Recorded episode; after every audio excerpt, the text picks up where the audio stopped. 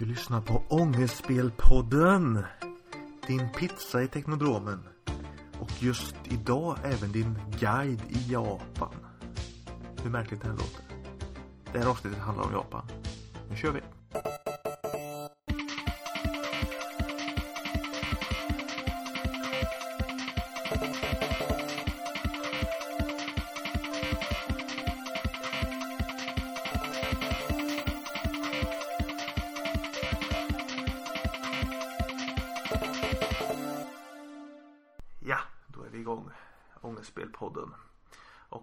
Vanligt så är det Daniel Lennér Och Jimmy Bäckström. som är här och roddar i podden. Då är det ju ett specialavsnitt här om eh, Japan den här gången.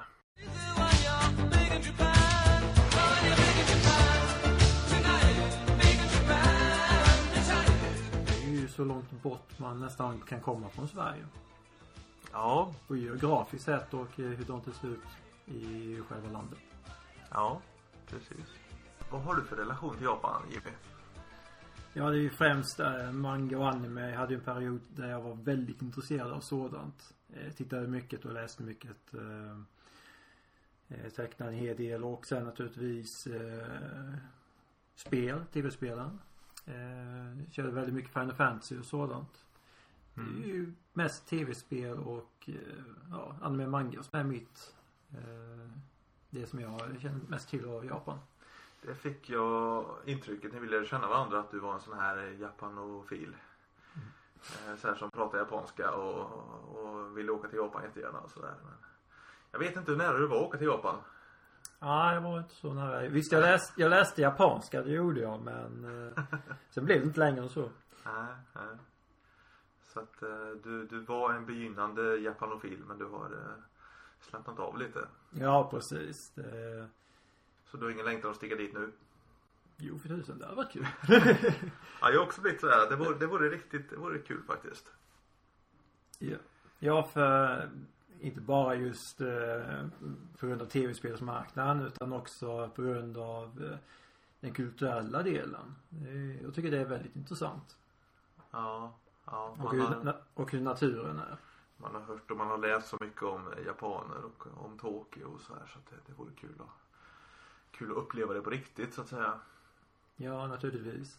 Men sen är ju tyvärr så är väl språket är väl en stor eh, mur om man säger så runt, runt ön där. Eh, Det gäller väl nästan att kunna lite japanska om man ska kunna, kunna interagera med kulturen om man säger så. Jag tror att det är en stor fördel om man kan eh, åtminstone någon japanska. Ja. Det tror jag. Hur mycket japanska läste du när du läste? Jag läste en eh, sommarkurs så det var ju mest en introduktion. Och eh, sen fortsatte jag inte mer på det. Jag, läste ju lite eh, som hobby. Men det blev ju inte mer än så. Nej, det här avsnittet ska fyllas av en eh, intervju nu eh, resten. För vi har ju inte så jättebra koll på Japan. Så därför ska vi snacka lite med Miriam nu. Är tanken. Mm. Det blir ju intressant.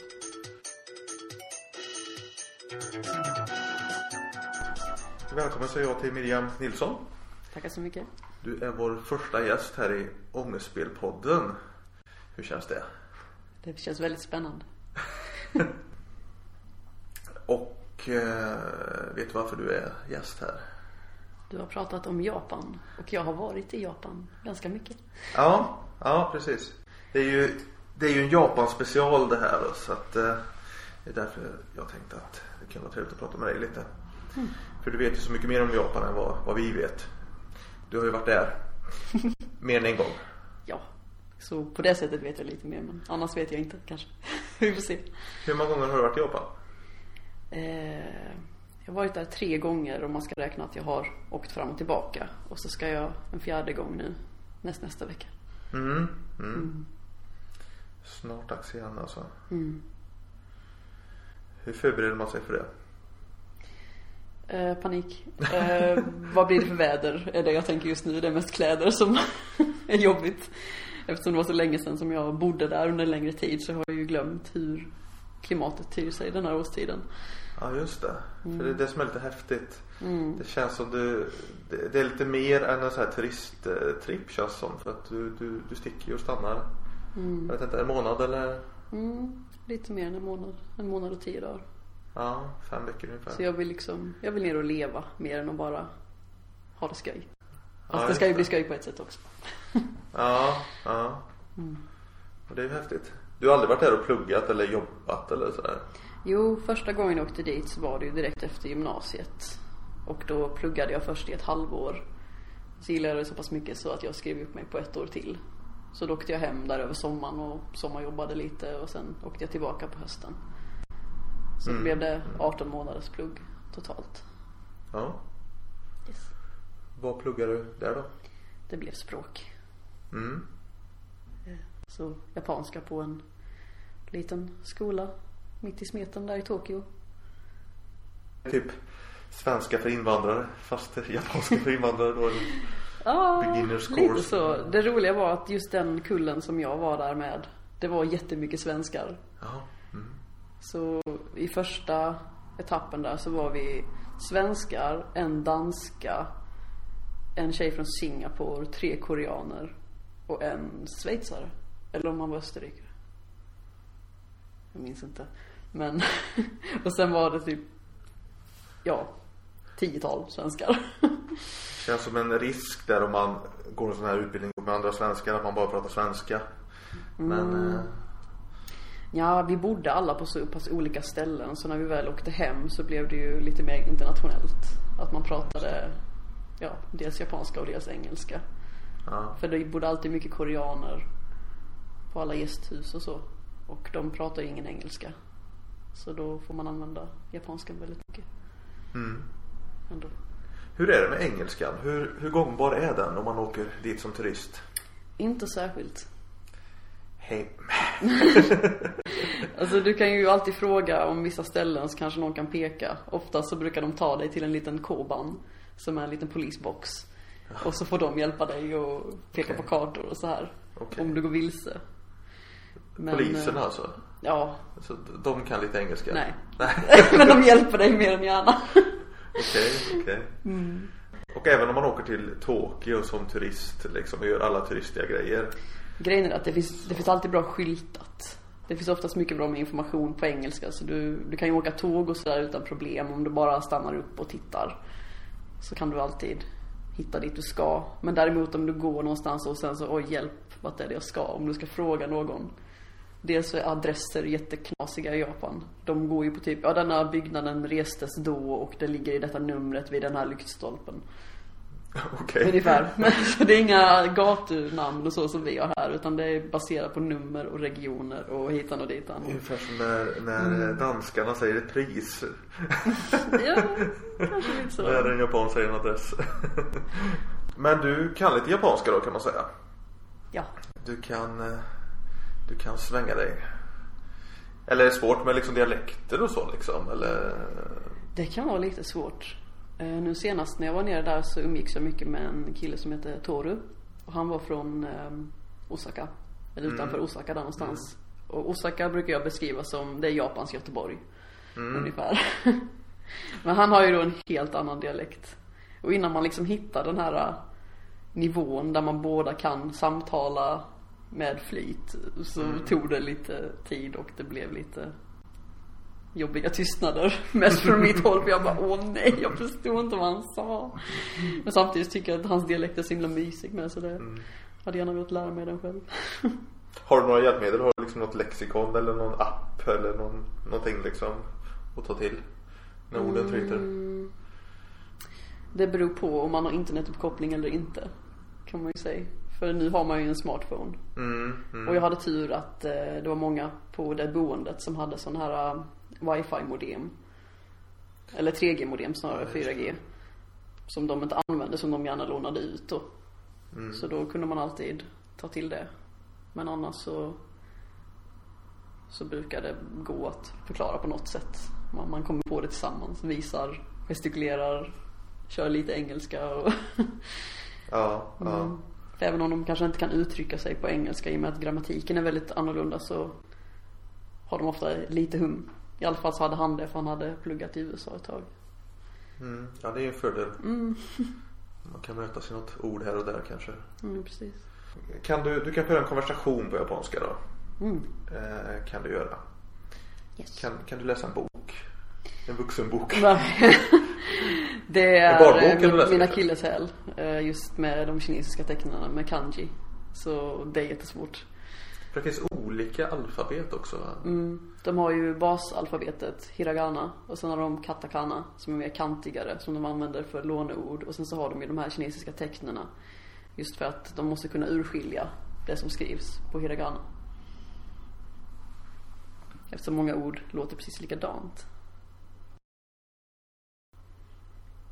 Tappar jag tråden lite här. Just det, eh, läsa en bok är svårt då.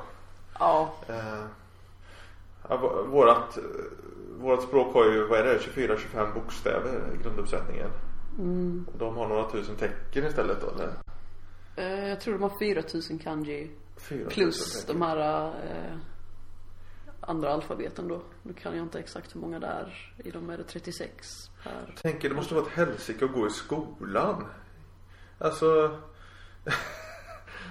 Jag Fast å andra sidan så har jag hört att det finns inga dyslektiker där i och med att allt är bilder.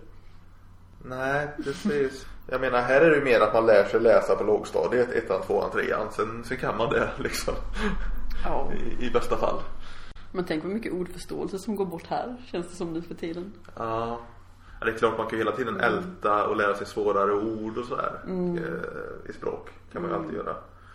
Men samtidigt så, ju mer tecken du lär dig desto mer svårare ord lär du dig också. I japanska. Mm, mm. Så att en vuxenbok, en, en vuxenbok, en roman är svår så att säga. För mig är det nog omöjligt i dagsläget. Då måste jag plugga mycket Ja, mer. ja. Eller, jag får nu sitta med ordbok i vilket fall. En barnbok, funkar det? Absolut, det funkar. Serietidningar? Serietidningar har så kallad furigana. Och då är det hiragana som står bredvid kanjit. Så du kan alltid, eh, även om du inte kan själva tecknet så kan du ändå läsa uttalet på det. Och då kan du, ah, just det. Så då förstår du. Menar du att texten i pratbubblor står två gånger i manga? Eller? Ja, ungefär. Kanjit är mycket större. Och så har du små, små, små tecken bredvid.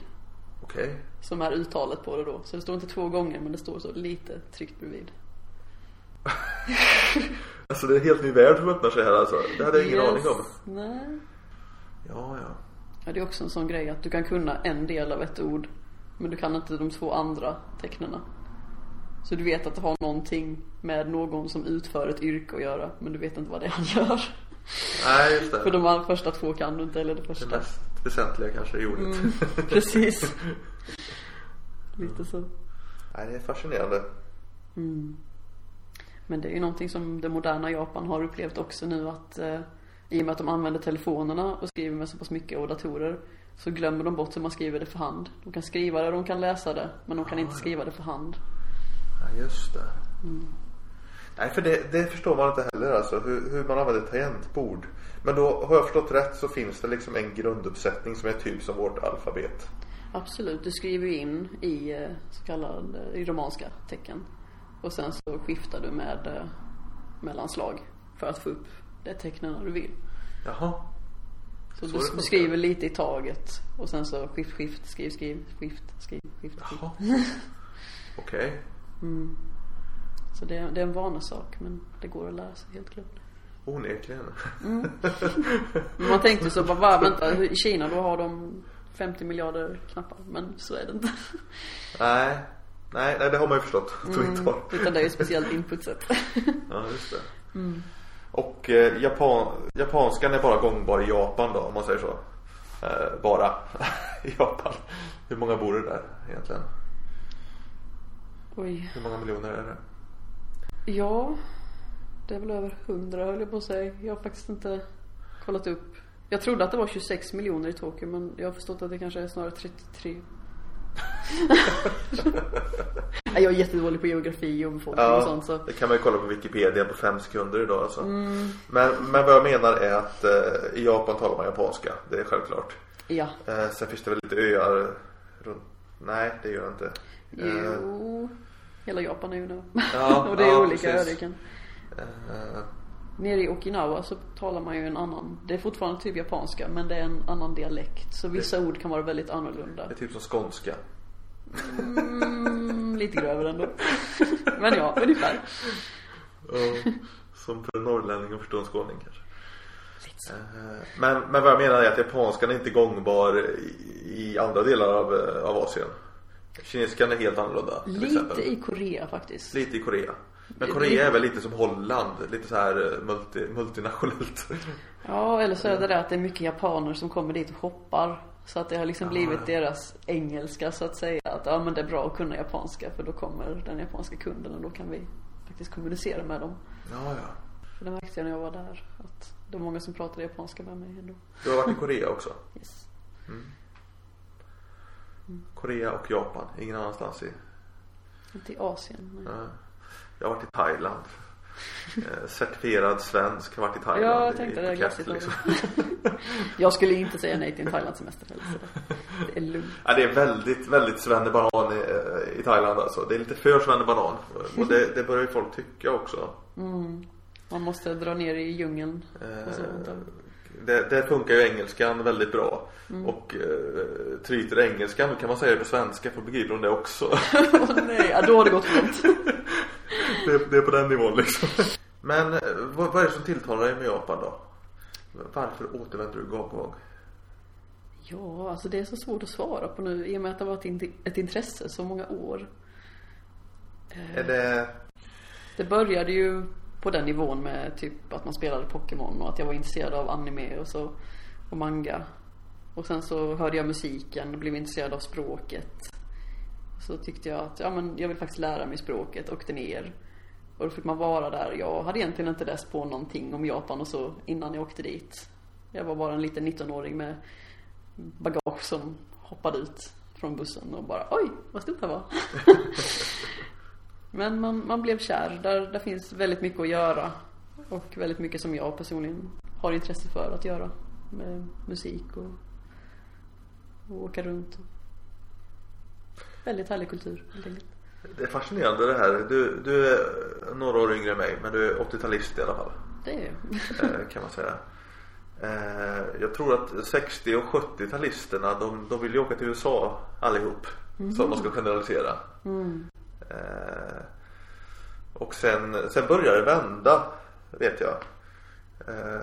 Sen, sen börjar Japan bli det nya som man ville åka till. När jag var där på gymnasiet för några år sedan ville folk åka dit och, och sådär. De visste inte alls vad de ville men de ville till Japan liksom. Det är märkligt. Eller också inte, jag vet inte. Det har det har varit mycket, mycket influenser därifrån liksom.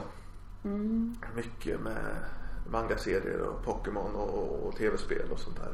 Ja, det känns som att det är tv-spelsgenerationen ändå som är mest på. Men det måste vara fräckt att ha kommit över den här språkbarriären ändå. Som jag upplever som en stor jäkla Grand Canyon liksom.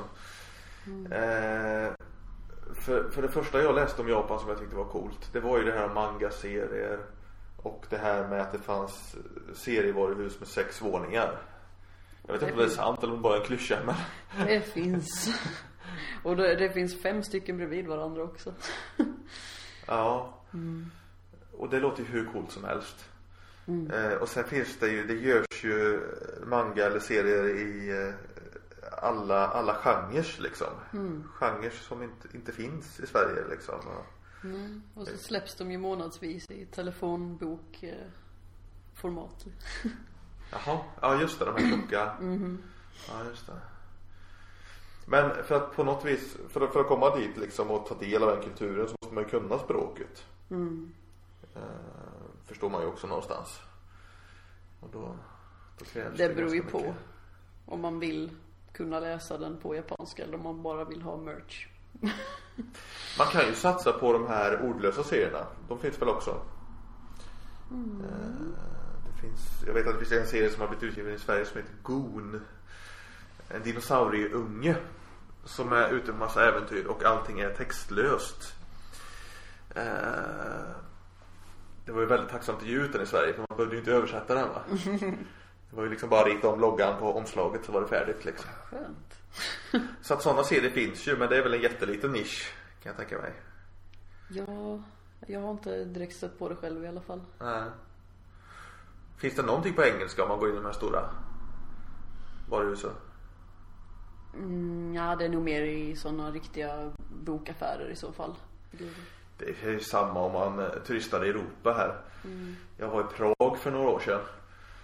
Och eh, insåg att de hade en jättelevande seriekultur där, liksom i Tjeckien. Eh, De hade liksom bokbutiker bara med serier och liksom riktigt så fina inbundna lyxutgåvor av allting liksom. Typ så här mainstream-serier i och för sig. Kalle och Hobbe, typ Hagbard. Men alltså jättefina presentböcker. Som kostar liksom en tredjedel av vad de kostar här liksom. Men så bläddrar man i dem och ser att det här, det här är på tjeckiska rakt igenom. Eh, och så frågade jag han som stod bakom disken där och såg livrädd ut när han förstod att jag inte pratar tjeckiska. så, så English, English eh, försökte jag säga liksom. Till slut så blev jag pekad på en skokartong precis där man kom in. Sen nästan bakom entrédörren. Eh, Och så ställde jag mig där så var det bläddra så var det typ så här tio böcker i hela affären så här på engelska. Liksom. så Men, men inte ens det i Japan alltså. Inte ens en skokartong bakom dörren. Jag tror inte det. Jag kanske Nej. inte har letat tillräckligt aktivt men nej, jag har inte Nej. sett det själv i alla fall. Nej. Jag tänker att det måste ju vara ganska många som kommer dit och är förvirrade. Nej, jag kunde känna det i början att man, man blev lite sådär nästan manisk att det fanns så mycket framför ens fötter. Man kanske började samla på fel grejer. Så man liksom, åh den här mangaserien jag alltid velat läsa och du kunde köpa den jättebilligt. Särskilt på sådana här um, second hand butiker som heter Book Off. Eh, Så kan du köpa en manga för tre spänn liksom. Men eh, sen inser du att, hmm, kanske aldrig kommer riktigt bli att jag blir så pass jättebra på japanska att jag kommer att läsa den. I alla fall så var det så för min kompis som köpte på sig väldigt stora, långa serier. De ligger fortfarande nerpackade efter nio år liksom. Han pluggade i bara ett halvår så det blev inte så mycket mer. Man kan ju titta på bilderna. Ja. Det blir lite som när man läste serier när man var liten igen. Man läste kanske, kanske 70% av serieläsandet var att titta på bilderna. Och så läste man lite grann och förstod lite grann vad det handlade om. Jo precis. Ja, men jag köpte också en manga långt innan jag åkte till Japan när jag gick på Jag vet inte om det var början på gymnasiet eller om det var på högstadiet. Det är en anime som har gått i Sverige också som heter Candy Candy. Fruktansvärt vacker detaljerad manga från 70-talet. Men jag kunde aldrig förstå vad det stod i den. Men jag tittade i den likväl. liksom. Nu åker du om, eh, vad sa vi, en vecka? Tio dagar? Elva dagar. Elva dagar? Hur många timmar? Eh, Räkna ner. nej. jag kan inte. Eh, vad kostar det att åka till Japan? Eh, Man kan faktiskt komma under eh, 5000 tur och retur. Det var ju inte farligt. Det är faktiskt inte så farligt som man tror. Ja, det Men det så- beror ju på vilket flygbolag du väljer också. Det är som att åka till Göteborg och bo några dagar på hotell. Precis. Mm. Och sen beroende på hur skabbigt boende du vill ha eller hur lite du klarar dig på så kan man komma undan väldigt billigt där också. För mig kommer det kosta, jag tror runt 3000 boende. Under hela min tid där. Och vilken skabbhetsgrad ligger du på då? Då ligger vi på att duscharna är eh, uppe på taket utomhus. Och eh, du har en liten eh, bunkbed. Fast det är uppbyggt med väggar och du har lite space för din, eh, dina kläder och resväska och så. Men du bor som i en liten låda helt enkelt med, med ett skynke för. Och så har du ett vardagsrum med ett jättelitet kök där du kan sitta och umgås med folk. Men det är väldigt mysigt ändå. Intimt. det är inte så att du spenderar din tid i sovrummet liksom. Du ska bara Nej. sova och sen så ska du göra andra saker. Ja, förhoppningsvis. Mm. Ja, just det. Så det, är, det är lite bättre än en sovsal om man säger så. Man har sitt lilla, sin lilla privacy. Ja, precis. Nej, Just sovsal, då känner man bara att nej, då har man ingenting. Knappt ens plats för väska. Så jag har undvikit i alla fall sovsalen. Jag skrattar åt det här med duschar på taket men det kanske är normalt, vad vet jag. Nej, jag tror inte att det är särskilt normalt. Som min bror sa när vi var där, han bara, det, det är ju tur att vi har bott mycket i husvagn och så, annars har vi aldrig kunnat acceptera det här. Jag Du bara, bor på samma ställe som du har bott på innan. Ja, precis. För jag, jag tyckte att det var, det var ett härligt ställe. Bra stämning. Men vadå, står man, står man naken på taket och duschar? Ja det, det är tänk dig som, som en bajamaja fast det är en dusch. Du kan liksom låsa och stänga om dig och tända lampan och så. Ja, just det. Ja. Man fick någon bild i huvudet där liksom när man går på gatan och ser, man ser man en naken människa som duschar på tak. Så, så det inte. Så är inte, inte. inte, riktigt så lantligt kanske. Nej. Nej, nej. Nej, Det, det är väl compact living som gäller i, i, i Japan. Där. Yes. Det, det vet jag, jag såg någon Det var någon sån här UR-program tror jag jag såg någon gång. De slog på tvn. Eh, Så var det en eh, småbarnsmamma i, i Japan där. Jag tror hon var gift med någon man som jobbar jämt. För det gör man ju i Japan. Det gör man. Eh, och när det var dags att sova då liksom, då drog hon ut kökslådorna så här. Drog ut två kökslådor, la på en madrass och så liksom. Så la ett barn där liksom. Eh, och sen här, tv-bänken så drog hon ut en låda och bäddade där till ett annat barn liksom och sånt. Så det sov liksom barn, jag tror hon hade två eller tre barn liksom. Barnen sov överallt. Oj. Och sovrum hade de liksom inget av utan de sov liksom. De bodde typ i etta hela familjen liksom. Oj. Eller världens minsta tvåa. Ja, jag vet inte hur vanligt det är längre men det är många som fortfarande kör med sådana förtonare som de bara har i en garderob och sen rullar ut på kvällen liksom. Ja just det. Jag tror Ikea finns väl i Japan också? va? Ja, det var faktiskt en eh, riktigt populär grej som de gjorde. Katatsuki Hoso. Ja. Det. Då hade de en sån sång där de sjöng och dansade om hur det bra det är att städa och att ja, vi ska sortera alla grejer. Och eh, så gjorde de sådana inslag att här, så här ser det ut för, och det, det ser ju för hemskt ut. Nu ska vi fixa till det här så att det blir fint. Och så körde de in massa Ikea och mätte och donade. Så att de hade ordentlig förvaring. Och kunde organisera sina liv bättre. Det var, det var jättekul att se. Har du varit på Ikea i Japan? Ja, Heter det svenska namn där? yes, Produkterna fortfarande? absolut. Står det bredvid på japanska då också eller liksom? Kan... Ja, det står ju det här lånealfabetet som vi snackade om, katakana. Så att de ska kunna uttala det också. Ja, för jag tänker en kudde kanske heter typ mysig eller någonting. Det står det mysig. Ja. Och ska man ju käka svensk mat när man är ute och reser på Ikea. Yes. Men det kanske inte du gör. Alltså om man har varit där så pass länge som jag var så kan det vara ganska gött att sticka till Ikea ibland och käka lite köttbullar. Ja, just det. Och köpa lakrits om inte annat. Ja, just det. Godisälgar eller något. Ja, precis. Det finns ju lite på Ikea som man kanske saknar. Men jag hörde att Ikea både i, eh, i Kina och Japan att de fokuserar mer på liksom sådana här smarta förvaringslösningar. Bäddsoffor är, är det enda de säljer. De säljer inga vanliga sängar. Eh, Eller betydligt mindre volymer vanliga sängar. Det har jag ingen uppfattning om. Nej, nej men om man tänker på den här mamman i den här lilla lägenheten där så kan man tänka liksom att en bäddsoffa hade kanske funkat. Det var rätt smart. Eh, bättre än att sova i kökslådan liksom. Jobbigt när barnen blir tonåringar och ska ligga i kökslådan. Förhoppningsvis har han jobbat så pass mycket pappan där så de kunde flytta någon annanstans kanske. Utsliten, han är 42. Ja, ja men det, det är väl en annan arbetskultur i, i- Japan?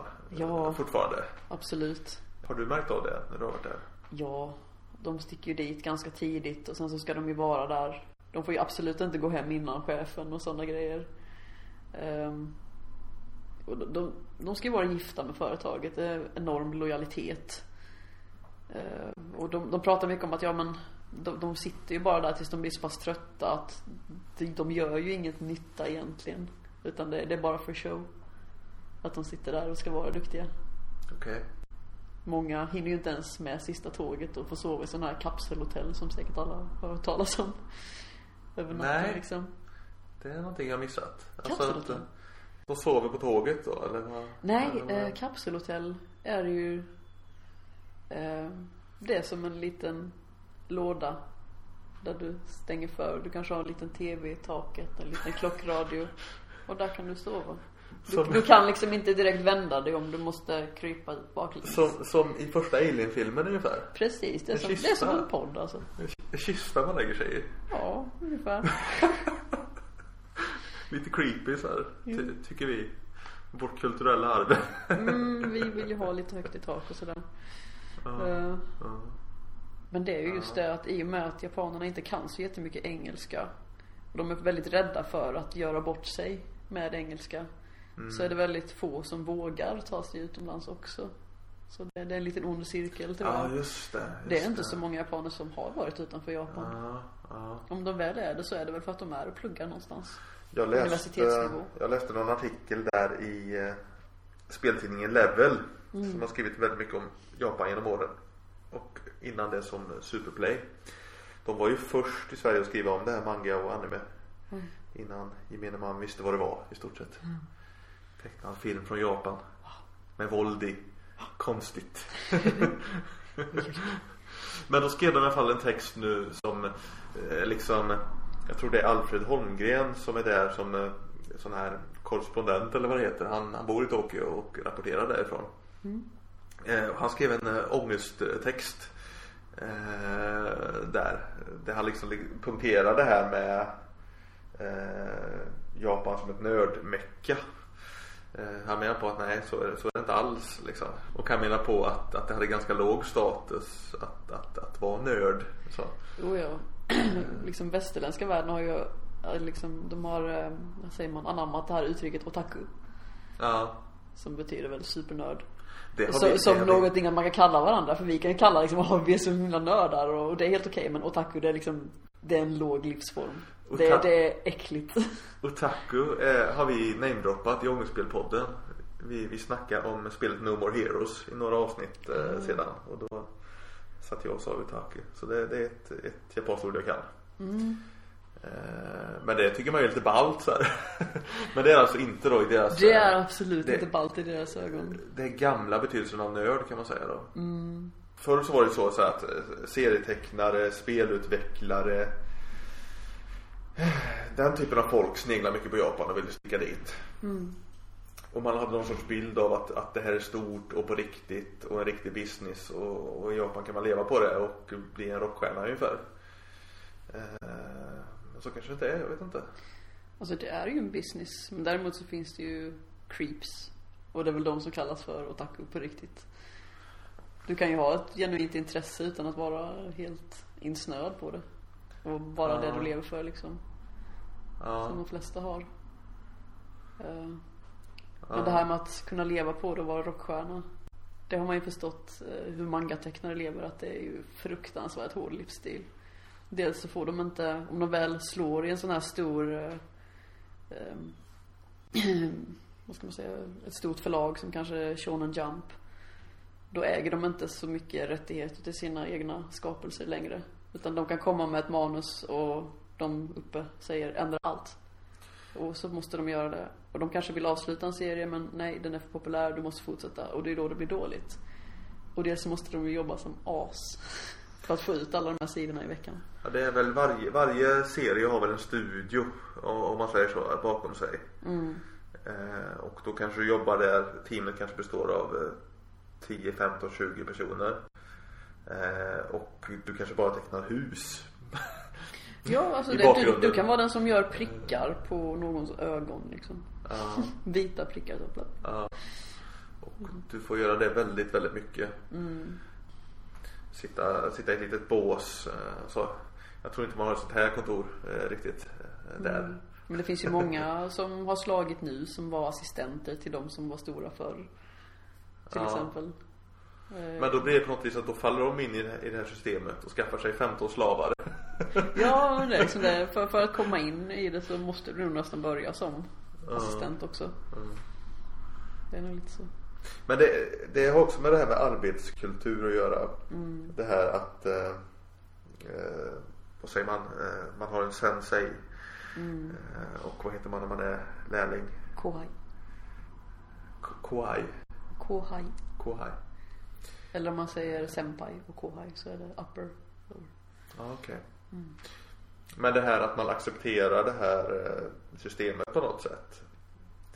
Eh, Att när man kommer in i yrkeslivet så har man liksom en, en eh, mästare.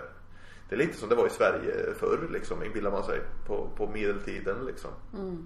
Skulle man bli smed Då fick man gå till en gammal smed Och med mössan i handen och fråga Hej, får jag bli smed hos dig? Eh, Och fick man vara där då fick man ju gå bredvid och lära sig av den här gamle då va? Eh, Det känns som att, att det lever kvar i större utsträckning Jo, det är lite så. De har ett väldigt inrutat samhälle.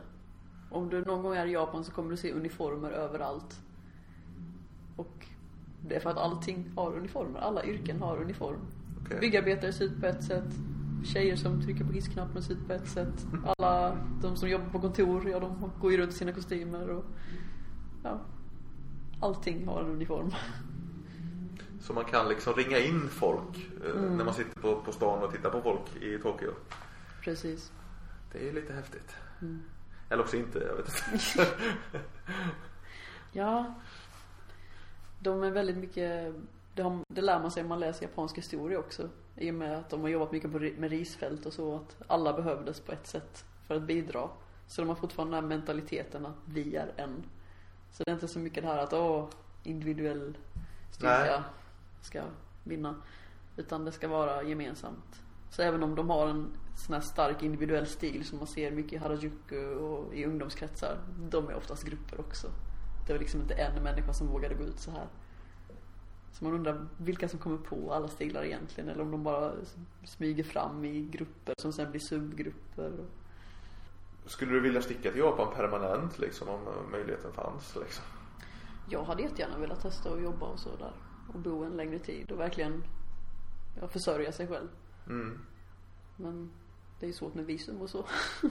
Ja det måste man ha va? Mhm. Eh, Hur får man det? Man får ansöka då eller? Ja, ofta så behöver du ju en, eh, en sponsor. Du Jaha. behöver nästan ha ett jobb redan för att kunna ta dig dit. Eh, som intygar att ja, den här personen ska komma och jobba för oss. Och så har du, så baserar de oftast det på en speciell kunskap som du har, det vill säga typ din examen. Så man måste ha Viktigt med en profession liksom. Yes. Och så får man hoppas på det bästa. De har ju jobbat med ett sånt där working holiday visum sen jag kom tillbaka från Japan. Eh, som innebär att du får sticka dit och jobba i ett år om du vill. Mm. Om du är yngre än 30. Så jag hoppas att det kommer innan jag fyller 30. har ett och ett halvt år på mig till. Vi får se hur det går. Mm. Med alla de där papperna. Mm. Det känns som att två av de mest eh, byråkratiska länderna i hela världen har kraschat ihop. Och det går ju sådär. Med tanke på många år som det har varit på kartan liksom. Ja. Mm. Vad, vad är de största skillnaderna tycker du då? Om man jämför Karlshamn med Tokyo. Karlshamn med Tokyo. Eh, här så känner ju alla alla på ett sätt.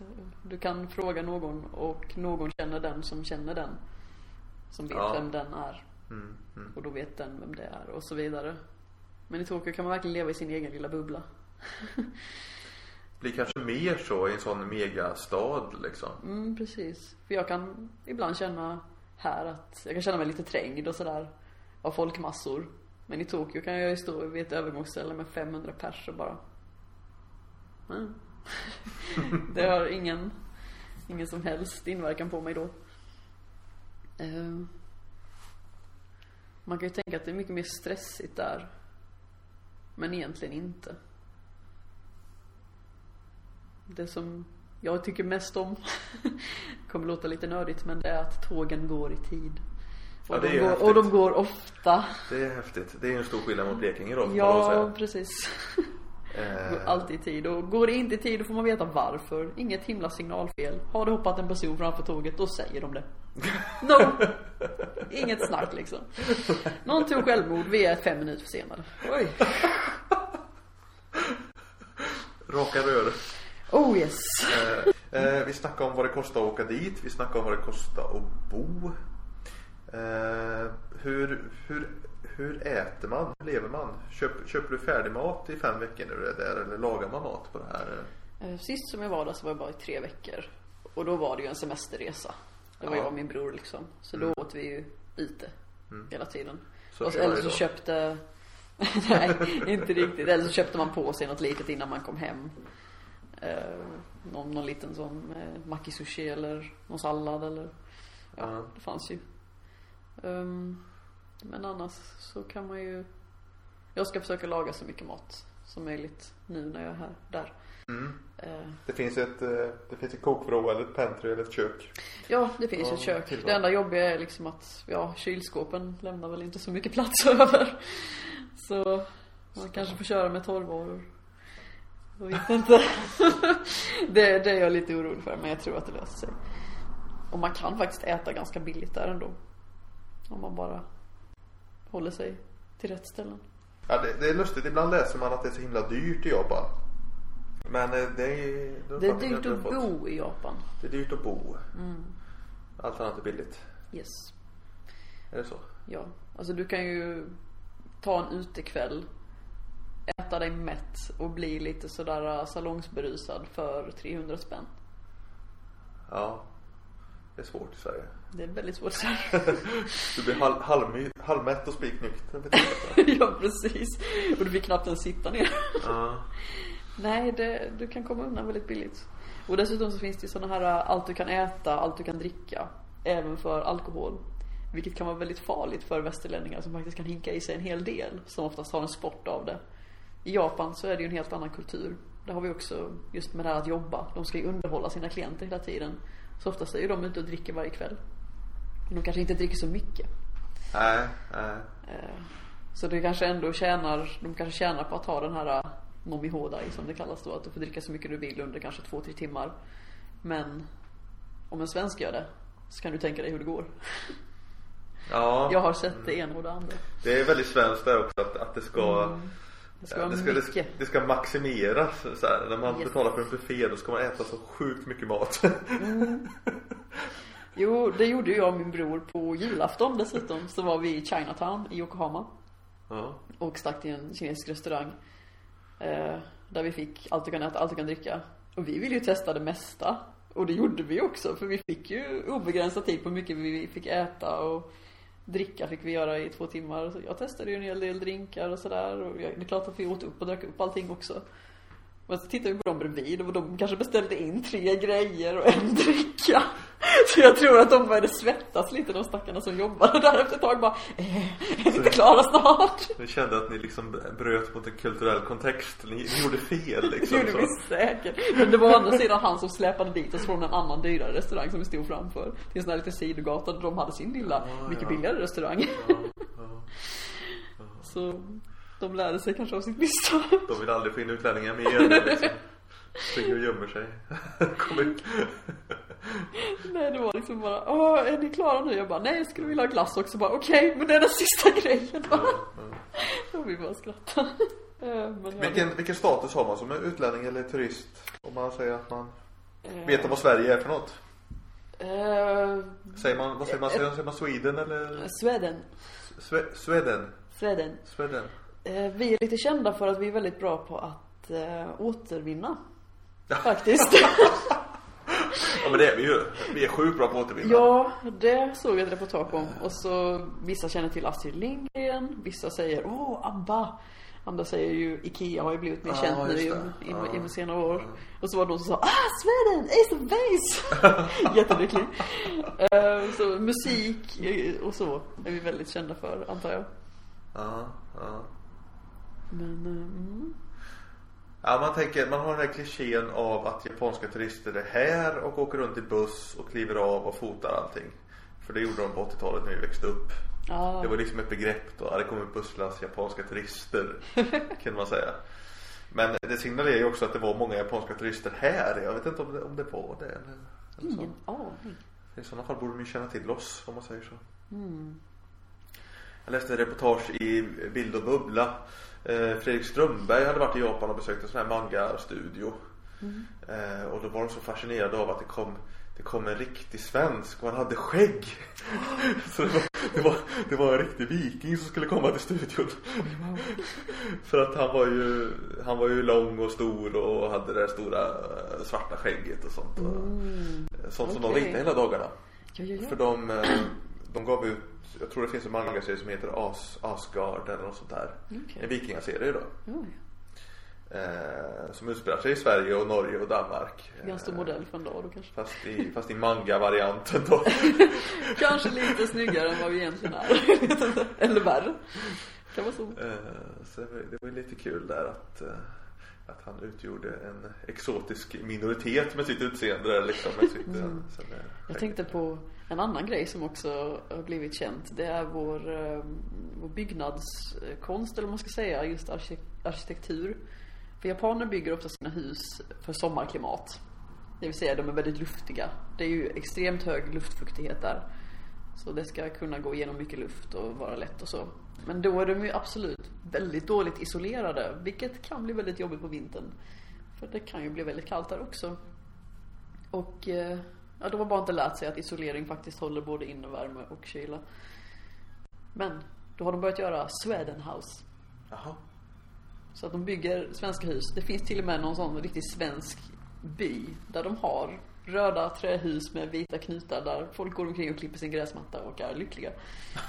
När jag och brorsan var på Disneyland så var det en som vi frågade om han ville ta vår, eh, ja, ta en bild på oss när vi stod framför slottet då. Så eh, frågade han var vi kom ifrån och säger vi, åh Sweden.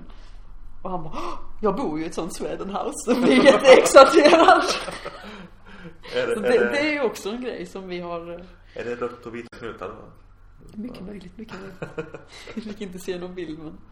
Hur var det med det här statusen som utlänning? Som jag kan uppleva det själv i och med att jag har inget typiskt svenskt utseende i och med att jag har lite mixad härkomst. Så jag är väldigt mörk. Och då är det nog många som undrar, hmm, är hon halvjapan? Det är många som har trott det också. Ehm, men som blond så kan du ju vara väldigt exotisk. Men samtidigt så, de har ju sitt ord för utlänning och det är ju gai kokujin. Det vill säga person som kommer från ett land utanför. Men de, Okej. Det är som vårt utlänning då? ja Kort. precis, men de brukar oftast förkorta det med bara gaijin. Och då blir Gaijin. ju outsider. Okej. Och det är just att du kommer aldrig att bli en av dem. Du kommer alltid vara gaijin. Mm. Även om du kanske har bott där i tio år, har barn, fru, du jobbar på ett japanskt företag, du är fortfarande gaijin. Okej. Du kommer aldrig bli som dem. Okej. Det, det är ganska hårt hur de ser på sig själva och på andra. Det är svårt att Ja, komma menar in. att det är, att det är svart, svart och vitt så? Lite Inte, så. eller hänger ihop med rasism och sånt också eller? Det kan vara lite så. För att eh, typ kineser har väldigt låg status, eh, eller? De bråkar väl. För Japan vägrar att be om ursäkt för saker de gjorde förr och Kina tycker att ni är för dåliga och Japan var, men vadå, det var länge sedan. Vi pratar inte om det nu. Och så censurerar de sina historieböcker. Och så blir Kina ännu argare. Och jag förstår ju varför. Ja. ja. Men det är ju samma med Korea. Mm. Det finns ju vissa sådana rallies ibland om att japaner bara, ah nej, ta bort alla koreanska avskum. Och man bara, va? Seriöst? Menar ni verkligen detta? Och dessvärre så gör ju vissa det. Mm. Det finns båda. Men det finns eh, Det finns ju här också nu för tiden. Mm, Eh, tyvärr. Som sagt, det vi pratade innan om just att vara individuell och så. De har ju skoluniform från att de börjar lekskolan. Och de kanske får ha någon extra liten rosett eller så ibland. Vissa tillåter lite mer än andra hur du kan göra med din uniform. Eh, Men oftast så får du utskällning om du så bara färgar håret lite brunare. Så det, det är striktare Det är väldigt strikt. Mer att göra revolt emot då kan man säga. Mm. Du ska vara på ett visst sätt. Och, och många barns dröm är att komma in på universitet. Okej. Mm, Mm. det är lite så. Jag tror vi har snackat om Electric Eel Shock någon gång. Har vi inte gjort det? Det vet jag inte. Eh, det var ett band som var hypat för några år sedan. Eh, japanskt eh, rockband. Alltså japansk musik har ju varit väldigt hypad här på 2010-talet egentligen. Vad säger man? J-pop eller vad säger man? Antagligen. Eh, de var väl med i första vågen där. Electric Eel Shock. Eh, de spelade i Skövde när jag gick på högskolan. Det är därför jag känner till dem. Och Jag var inte där och såg dem. Idag undrar jag varför. Det är klart man skulle varit det. Eh, Jag vet att student-tv-kanalen gjorde en intervju med dem där. De pratade lite engelska gjorde de men det var ju, det var ju hjälpligt liksom. Vi, vi var så fascinerade av att de gick igång på så här gammal europeisk rock. Alltså deras största influens det var ju Black Sabbath. Liksom. liksom så, så bakvänt på något vis liksom. Ja. Nej men jag pratade ju med en kille som bodde på samma ställe som mig då. Han har jättestort rosa hår och klär sig i såna här rockkläder och gör ju mycket musik själv. Men han är ju, han är ju J-rockare helt enkelt. Men när jag frågade, åh men har du lyssnat på någon västerländsk musik överhuvudtaget? Nej. Ingenting, han kunde ingenting. Den enda kanske typ Aerosmith, I don't wanna miss a thing. Det var, det var typ det han kunde. Så, så det kan vara så raka spår. Att de inte vågar ta del av andra kulturer kanske för att de inte förstår men kanske också för att de, de har inte det breda utbudet. Vi kanske lyssnade på mycket när vi växte upp som våra föräldrar lyssnade på där utifrån så det började vi intressera oss. Det är intressant att du säger det liksom att den språkbarriären som vi upplever när vi ska sträcka oss till dem. Att de har den språkbarriären när de försöker sträcka sig ut. Eh, det är ju rätt fascinerande. Eh, vi, alltså barn idag förstår väl eh, vad, vad en poplåt på engelska handlar om ungefär liksom. ganska, ganska tidig ålder. Och då, då är det lättare att ta till sig musiken liksom. Vi spelar ju så mycket spel också från barndom som aldrig var översatta. I Japan så är oftast allting dubbat. Eller så tittar de inte på västerländska saker överhuvudtaget. Vi snackade om film innan där men du hade inte så mycket koll på det kanske. Jag vet att jag har sett typ så här The Matrix, har sett eh, att det finns med japanskt omslag liksom. Ja, ja. Alltså Eh. all film släpps ju där men jag vet inte hur. Då, då är frågan, är, är det dubbat eller är det textat då? Då är det textat. Då är det textat. Ja. Så det kanske får runda av det här samtalet nu. Det blir väldigt långt det här. Det blir Ja. en gedigen bit att redigera ihop sen. Oj, oj. Men det var kul att du ville vara med. Ja, absolut. Du är inte inne så mycket på podcasts, sa du. Nej, jag har nog aldrig riktigt uh, lyssnat på en podcast. Tyvärr. Så att du är med i en podcast före du har lyssnat på en, det är ganska häftigt. Ja. Du var ju faktiskt Ångestspels eh, första fan också. Det, det är kul. Var jag det? Hade ni inga andra? Alltså jag har verkligen försökt att få andra att bli lite intresserad så men Det är ganska långa videos så det är inte något sånt man bara sitter och spelar upp bara sådär. Nej, vi, vi, vi kanske är lite svårtillgängliga. Faktiskt, de är ju faktiskt rätt långa klippen. Men, men jag vet att det var ju, det är rätt så många så här som, som likar, som ger tummen upp på, på Youtube. Men det var aldrig någon som kommenterade i början. Det var bara någon som heter Shishi Yusagi som kommenterade. Ja men det tänkte jag liksom, ja men jag, jag vet ju vem Jimmy är och jag kan väl Ja, och det var också så här att man läste mellan raderna så här liksom att, att Jag vet man fick inte hur jag känslan av hittade det riktigt men Man fick känslan av att du visste vilka vi var. Eh, så här, att vad fan, det här det var konstigt. Ja vi hade en gemensam bekant i alla fall så det ja, ja. Ja, Nej men då tänkte jag men om han bor ju nästan där jag bor då måste man ju säga hej i alla fall. ja, nej men det var jättekul att du gjorde det. Ja. Och du var också Ångestspels första, första donator. Woo. Du köpte ju lite Dreamcast-spel när du var i Japan där. Det var väldigt Ja. uppskattat. De måste vi få se snart, tycker jag. Något litet inslag kanske i alla fall. Ja, ja men absolut. Mm. De var ju svårspelade de med mycket text i tyvärr. Ja, jag ska försöka hitta lite mer actionbaserade spel när jag sticker iväg denna gången kanske. Får du gärna leta efter, det gör inget. Absolut.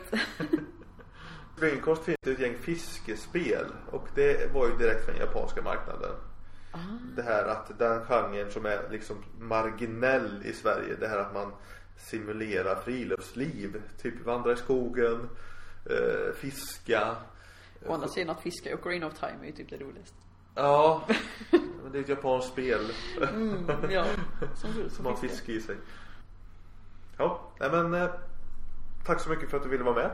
Jag tackar så mycket för att jag fick vara med. Det var trevligt. Så rundar vi av här.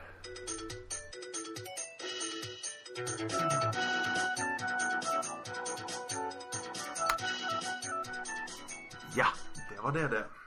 Ja, det var intressant att lyssna på. Ja, det var en intressant pratstund vi hade. Ja, jag hoppas att de får det riktigt trevligt i Japan nu. Ja, det får vi verkligen hoppas. Eh, kan vi berätta rent ångestspelrelaterat. Vi har ju ett nytt avsnitt ute. Ja. Nytt, eh, nytt för denna dag faktiskt. När vi spelar in detta så publicerar vi ett nytt avsnitt. Eh, handlar om ubåtar och sånt. Ja, en äh, ång, ångest i det djupa. En ångestfylld resa Ja. med ubåtstema. Det finns ju tre ubåtsspel till NES eh, som vi har lyckats eh, hitta. Och de är inte speciellt bra eh, alls. Eh, men de går vi till djupet med i det avsnittet. Så rodda in det på Youtube och eh, titta. Precis.